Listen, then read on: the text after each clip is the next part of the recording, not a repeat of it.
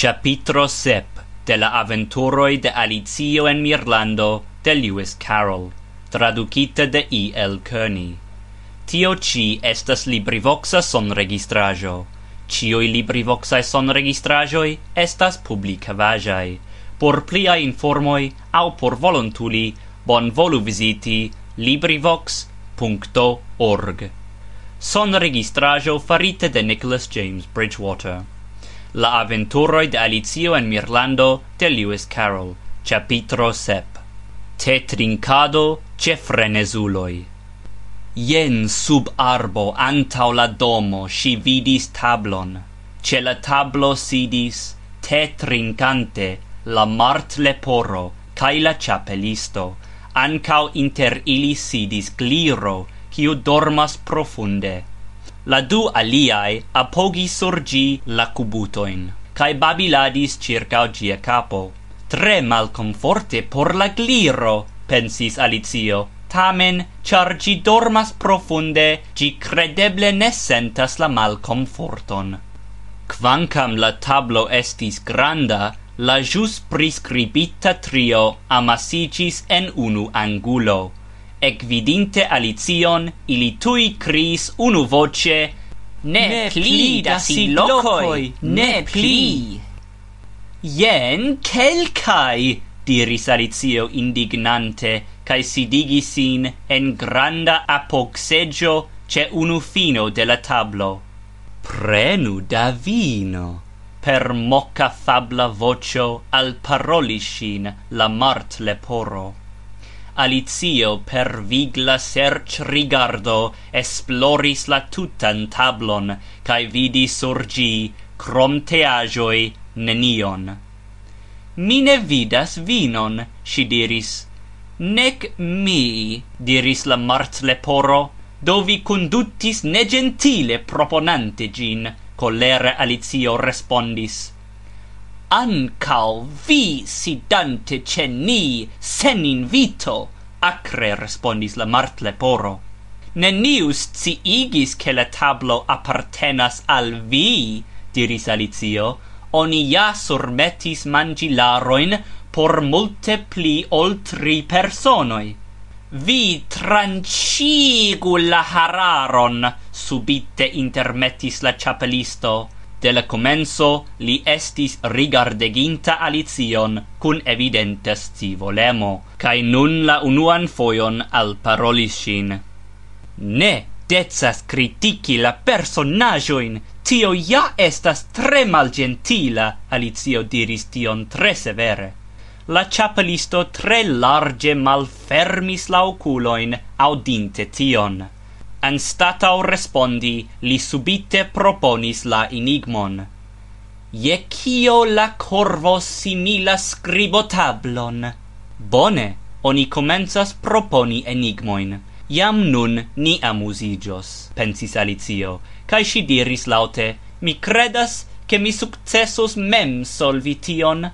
Ciu per solvi vi intensas diri che vi povos trovi la respondon?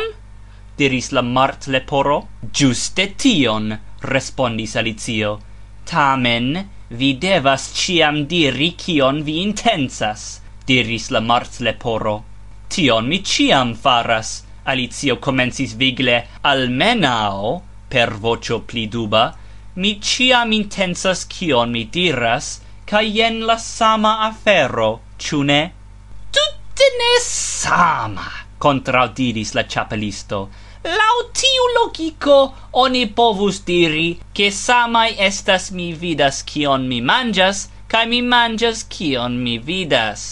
Lau tiu logico oni povus diri intermetis sia vice la martleporo che samai estas mi shatas kion mi ricevas kai mi ricevas kion mi shatas. La gliro certe ne vecigis Li certe dorm parolis, jen lia diro. Lau tiu principo, oni povus diri, che samai estas, mi spiras tum mi dormas, cae mi dormas tum mi spiras. Por vi, ili facte estas samai, diris la chapelisto. Sekvis kelk minuta silento, kiun Alicio profitis por rememori al ciui factoi de si conatai, pri corvoi cae scribotabloi. La chapelisto unue rompis la silenton. Alicio rimarcis en la lastae momentoi che li prenas la horlogion el sia posho cae maltranquile observas gin, che fine li scuis gin cae tenis apud la orelo. Tiam, tornante sin al Alicio, li demandis Kiun daton ni havas? Post iom da pripenso, Alicio respondis. La kvaran majo. Sekve ci eraras je du tagoi, ciu mi ne diris al vi, che butero ne taugos por la radaro? Dirante tion li turnis tre indignan rigardon sur la martleporon. Nur la plei bon qualitan mi usis protestis la martleporo. Ies, sed cune cun la butero quelcae paneroi ne preenigis, la alia riproce diris. Vi ne devis enigi gin per la pantrancilo. La martleporo prenis la horlogion, cae malgioie observis gin. Poste li trempis gin en sian tason, cae de nove observis tamen li ne povis elpensi ion pli dirindan o la antaua diro. Nur la plei bonan buteron mi usis. Alicio scivole rigardis la posh horlogion trans lia shultro. Ien tre curiosa horlogio, si ecris, cia indicas la monat datoin, cae la horroin ci ne indicas. Pro cio ci devas? la Chapelisto demandis, Ĉu via poŝhorloĝo montras por vi la jarojn? Kompreneble ne, Alicio tre flue respondis, ĉar se ĝi montrus la jarojn, ĝi devus indiki dum tre longa tempo la saman ciferon. Kaj ĝuste tiun fakton vi povus konstati pri la mia, diris la ĉapelisto. Alicio tutte confusigis. La lasta diro de la Chapelisto, quancam ne malbona esperantajo, shainis al si conduci nenien. Si nur diris gentile, mi ne comprenas. La gliro re endormicis, diris la Chapelisto, cae versis sur gian nason iom da varma teo. Cetio, la gliro malpaciense scuis la capon, kaj diris, ne malferminte la oculoin, Ja, compreneble, giuste tion mi mem intensis diri. Ciu vi jam solvis la enigmon? demandis la chapelisto, denove tornante sin al Alicio. Ne, mi fordonas la solvon, diris Alicio, diru al mi la solvon. Mi ne havas pri la solvo ec la plej malklaran ideon, li respondis. Ne existas solvo, diris la martleporo. Alicio ec gemis enue. Mi opinias, si diris, che vi devas pli bone usi la tempon, ol mal spari gin proponante nesolveblain enigmoin Se vi conus la tempon tiel bone kiel mi, diris la chapelisto, vi ne usus gi priparolante lin. Mi ne comprenas, diris Alicio. Versaine ne, diris la chapelisto, balanzante la capon malestime. Mi curagius diri, che neniam vi ec parolis al tempo? Eble ne, Alicio respondis iom singarde. Tamen, lernante la muzikon, mi ciam devas tempati. Ha! Jen la causo, diris la chapelisto. Li ja ne shatas tiun batadon. Se vi nur volus esti pli agrabla, li prescau cion farus pri la horlogioi lau viai preferoi. Exemple, ce la naua metene, Ciam vi devos comenci la lezionoin, vi nur devus murmuri al li vian desiron, ca jen la indiciloi tui montrus la unuan horon, cae vi havus la tag manjon Tio estus agrabla certege, diris Alicio, tamen profundiginte en pensoin, si poste aldonis – sed en tiu ocaso mi ja ne estus preta por la manjo mi ne estus malsata. En la comenzo eble ne, diris la chapelisto, sed vi povus teni la horlogion ce la unua, gis vi farigius malsata. Ĉu vi tiel mastrumas gin? Alicio demandis. La chapelisto malĝoje svingis la kapon tion ne mi, li respondis, char li cae mi malpacis en la pasinta marto, jus antau ciam tiu frenesigis, montrante per sia teculero alla martleporo, gi ocasis ce la granda concerto cium organizis la cera damo. Mi devis canti Twinkle, twinkle, vespertet, Credetto kia via afferetto Vi credeble conas tiun canton? Mi certe audis ion similan, diris Alicio. La daurigo, diris la chapelisto, estas jena. Tra la ervi shovas vin, majeste kiel ana sin. Twinkle, twinkle... En tiu momento la Gliro skuis sin kaj komencis dormkanti. Twinkel, twinkel, twinkle ĉar laŭŝajne ĝi havis la intencon daŭrigi sen fino tian twinkladon, oni pinĉis al ĝi la orelojn por ĉesigi ĝin. Nu, apenaŭ mi finis la unuan verson, diris la ĉapelisto, la cera damo exaltis cae laute criegis, li mortigas la tempon, oni sen capigulin! Ho, la cruela sovagiulino, ec cris Alicio. Cae de postiu tago gis nun, la chapelisto malgaie daurigis, la tempo cion rifusas al mi. Ciam constante li nun donas al mi la sessan postagmese. Vere frappante ideo venis al Alicio.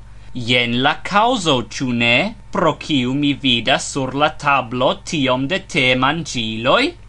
Precise, respondis la ciapelisto, ec gemante.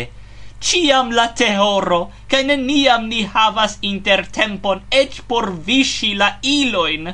Do vi circa movas vin, demandis Alicio precise, diris la chapelisto, lau eluso de la mangiloi. Sed cio casas, Alicio coragis demandi, ciam vi de nove revenas antau la unue usitai? Ni shangiu la parol temon, la martleporo interrompis oscedante. Ci tio enuigas min! Mi proponas che la fraulineto racontu al ni fabelon. Vedaurinde, mi eĉ ne unu povas memori, diris Alicio. La propono ja timigis ŝin. Do, la gliro devas! ambao cris unu voce. Vekiĝu, gliro! gliro! Ili pincis gin sur ambau oreloi sam tempe. La gliro mal fermis la oculoin, cae diris per rauca, mal forta vocio. Mi ne dormis. La vortoin, cioin vi ambao diris, mi audis cioin, cioin senescepte. Vi racontu al ni fabelon, diris la martleporo. Yes, bon volu mi petas, Alicio diris petege. Ancao ne procrastu, aldonis la chapelisto, char se vi procrastos, vi nepre reendormigios antau ol fini. La gliro tui comensis tre rapidante. Estis iam tri fratinettoi, cioin oni nomis Elnio, Lanio, cae Tinio. Ili logis ce la fundo de tre profunda puto. Cion do ili mangis, diris Alicio. La demandoi pri mangiai cae trincae agioi ciam havis por si specialan intereson. Post du minuta considerado, la gliro respondis, ili nutris sin per melaso. Tion ja ili ne povus, Alicio protestis tre gentile, char ili farigius malsanai. Cai facte estis, diris la gliro, tre malsanai Alicio penis imagi al si, kia spezza estus la vivo, se si logius en putfundo, cae nutrusin per melaso. Sed la peno estis tro confusiga, sekve si demandis, kial ili logis en la putfundo? Prenu pli da teo, diris al si la martleporo, cun tre seriosa mieno. Gis nun mi havis neniom! respondis Alicio offendite. sekve mi ne povas preni pli, denove vi malpravas, intermetis la chapelisto, ĉu vi ne devis diri, ke vi ne povus preni malpli? Tre facile ia estas preni pli ol neniom neniu petis vian opinion, diris Alicio indignante. Ho, ho! triumfe criis la chapelisto, kiu nun rompas la regulon pri personagioi. Al tio Alicio ne povis trovi taugan respondon. Sekve si servis al si teon kaj buterpanon, kaj poste tornis de nove al la gliro kai ripetis la demandon pro cio ili logis en la putfundo. Iam la duan foion, la gliro besonis du minutan consideradon. Fine li diris, la puto estis melasa puto. Ne eble, ne existas tiajo, Alicio comensis tre indigne, sed la chapelisto cae la martleporo ambos sible admonishin per sh cae la gliro mem per offendita vocio minacis shin dirante. Se vi ne capablas condutti gentile vi devas mem fini la fabelon. Ho volu daurigi mi petegas alicio cris mi ne ree interrompos vin. Eble existas unu? Vi credas che nur unu? La Gliro indigne ekkriis, tamen li consentis daurigi. Do, tiui tri fratinetoi, ili ja lernis la desegnarton. Kion ili desegnis, diris Alicio, jam forgesinte sian promeson. Citiun foion, ec ne unu momenton, la gliro consideris. Melason! li diris. Mi bezonas puran tason, interrompis la chapelisto. Ni ciui movu nin maldextren je unu sidloko. Li movis sin lau la diro, lin sekvis la gliro, cae la martleporo translocigis sin en la segion de la gliro. Alicio, ne tre volonte, prenis la antauan locon de la martleporo. El la shangioi ja profitis nur la chapelisto, cae char la martleporo jus antau la translocigio renversis la lacto crucion en sian teleron, Alicio certe mal profitis. Char si ne volis reoffendi la gliron, si comencis tre singarde. Mi ne comprenas! de kie ili desegnis la melason. Oni povas cerpi akvon el akvoputo, la chapelisto clarigis. Do egal facile estas cerpi, tio estas desegni melason el melasoputo, ĉu ne? Vi malclera bubineto. Alicio, pro lia malgentilezzo, tutte ne attentis la chapaliston, alla gliro si diris. Sed ili ja vivis en la puto. Vivis en la puto? Certege! Sed vi, vi, sen la puto, ja mal successus desegni la melasson el gi? La gliro, dirante tion, tre longigis la vocaloin, cae iom cunligis apartain vortoin lau la parol maniero de quelcae angloi, cioi eclernis la lingvon en tre malmoderna epoco. Alicio tiel confusigis per tiu respondo, che, dum quelca tempo, si lasis alla gliro, sen interrompe daurigi la raconton. Ili lernis la arton de segni, diris la gliro, oscedante cae frotante la oculoin, char giam refarigis dormema, cae desegnis ajoin, ciuspezain, cion comencijantan per la litero mo. Cial per mo? diris Alicio.